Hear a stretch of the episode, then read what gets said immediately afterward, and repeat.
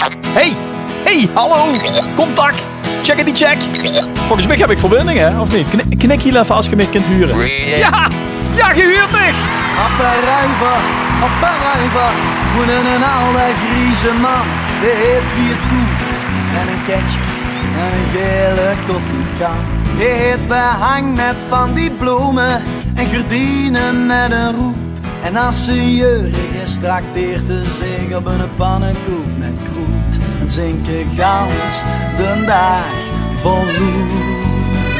Ja, ja, ja, het straks. We beginnen met een wandeling, zoals altijd, door het gebied. Maar in tegenstelling tot andere jaren, dat je ook live echt mensen tegenkomt, ziet je nu alleen eh, bandleden zitten. Kijk, ik, eh, zi- ziet je door een bandlid zitten op de bank? Ja, wink maar even naar hem. Zielig als er de ganse tijd moet zitten. Ehm, en die proten niet meer nog. Nee, neem eens jij nog wat vertellen, althans niet live. Gehuurd mich.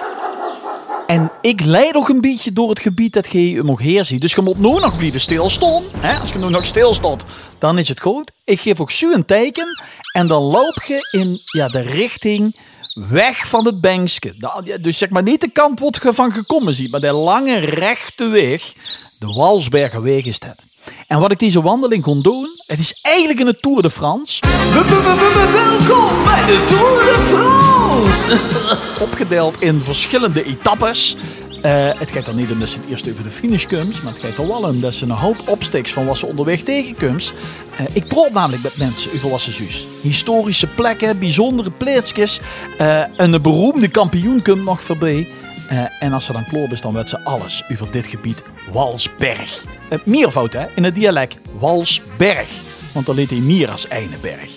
Eh, dat werd bijvoorbeeld Wielluis. Wielluis is van de Ruiver. Ja, ik ben uh, Willeus, gepensioneerd. En heeft dus alle tijd om zich te verdiepen in de geschiedenis van het dorp.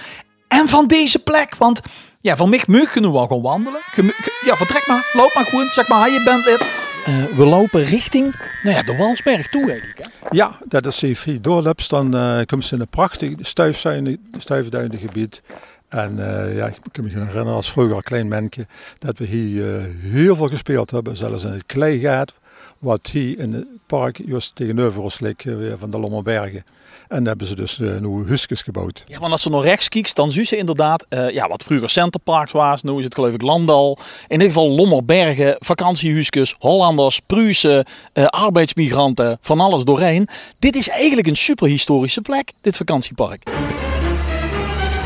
Dit is een heel oud complex, ja, het park.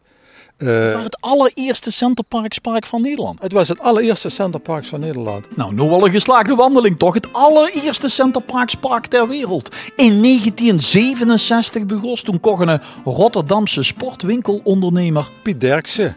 Geen familie van overigens Johan Derksen. Deze lap grond en bouwde er eerst tenten op, want die verkochten toch eens in een winkel. Uh, maar, maar, toen al gauw een soort van goedkope kleine huisjes. Die hebben dus heel snel aluminium uh, zo bungalows gebouwd. Kleine huisjes. En dat waren kleine huisjes. En, uh, maar ja, die waren vol te kaart in de winter. En toen zien ze van die kleine bungalows gaan bouwen. Hoe ze dus als het ware, die metselaars die kosten op een, een speciekuub gaan staan. En dan kosten ze de moeren opmetselen tot uh, hoofdvluchten. En uh, vervolgens... Uh, dat was dat. Dus hadden geen letters nodig, geen stellages. Geen letters nodig, geen stellages. Ze sparen zichzelf nog uh, moeren uit. Want het maakt de geschakelde bungalows. Dus er is er minder uh, moerenwerk nodig. En het grappige is dat nog een heel deel van die huisjes uit die tijd, die stond er nog steeds. maar zit wiel, het park is inmiddels groter. En het had nog veel groter kunnen zien. Want Center Parks wil eigenlijk het ganse natuurgebied wat nu aan de linkerkant leed kopen en volbouwen met bungalows. En de gemeente wil het ook doen. De gemeente wil de grond verkopen. Ja, dat, uh, dat was best wel een hele spannende tijd. Maar toen is Wilde hoogstpersoonlijk met zijn heemkundevrienden en met zijn natuurvrienden voor liggen. Uh, en een gastje geleden. En dat is geluk. Ik ben nog steeds blij dat het niet door was gegaan. Dankzij wie luis, uh, kunt je heen nu wandelen. Wandel nog een stuk door. Hè. De Walsberg is een aantocht, maar dan moet een flink stuk hier recht doorlopen. Ik kan natuurlijk niet zo goed inschatten wie vlot het geloop. Dus um, loop in ieder geval door wie is het volgende bankje met het volgende uh, bandlid. Als ze er is, um, blijf dan even staan en luister dit even af. Als ze er nog niet is, ja, wandel door met dit in die oeren. Uh, Wiel is namelijk nog niet klaar. We hebben de geschiedenis van deze plek wel behandeld. Maar Ruiver heeft natuurlijk ook een geschiedenis. Dit gebied, hey, ook links van nog, is ook een ja, historisch gebied. Het is een, een uh, heel oud stuk, weliswaar niet uh, het oudste stuk. Qua uh, bewoning kunnen we in ieder geval wel stellen, dus dat er in Romeinse tijd, neven de weg van Reuven en Bezel, dat er een grafveld geweest is. Daar vlakbij is ook een grafveld uit de Isertijd, dus de periode voor de Romeinse tijd geweest.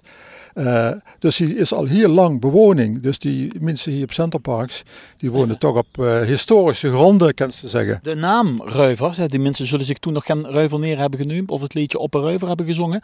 Dit stamt pas van?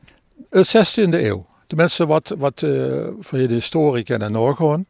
Uh, dat is dan een reisbeschrijving van Emes. Die gaat dan uh, maakt een reis van uh, Keulen naar Antwerpen. En dan moesten ze ook de Maas en moesten tol betalen. En dat was duur, tol betalen om de Maas te steken. Maar wie wier ze van die route Antwerpen-Kullen afzoets, wie billiger het woord.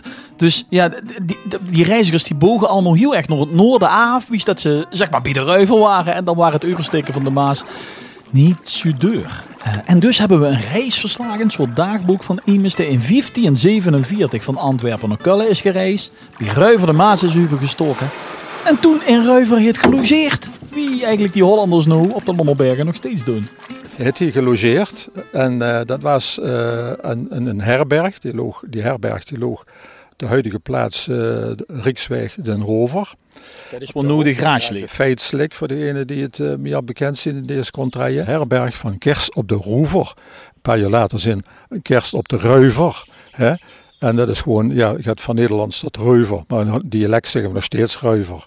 En dat is eigenlijk de oude naam. Mogelijk iets, iets te maken met uh, hoe, ja, peert, druif. Hè, hoe, hoe dus, uh, de ruif voor die peert doet heet. Ik denk dat dat toch met te maken heeft. Dat, we weten niet 100% natuurlijk, maar dat is toch de meeste kans. Ja, mooi vol. Okay. Wiel, deze wandeling heet de Tour de France. En dit is de eerste etappe. Dat is meestal, is dat een sprintetappe? Of dit jaar een tijdrit geloof ik hè? Uh, dit jaar beginnen met een tijdrit, ja. Wat is het, 11 of 12 kilometer geloof ik. Dan moeten we gewoon ons eigen tempo aanhouden, toch? Wie is de fiets? dat maar doen. Geniet van de natuur, geniet van het landschap, geniet van de omgeving. Want dit is toch een van de prachtigste stukjes die we in Ruiver hebben. Dat dan. hey, de finish is in zicht. Dankjewel Wiel. Goed, graag gedaan en veel plezier. Wandel door wie is het volgende bankje met het volgende bandlid. Als het goed is, de Walsberg al liggen. Eh, en bissen er al. Ja, dan kunt ze nu die uurtjes zo doen. En even communiceren met de mensen om de geer.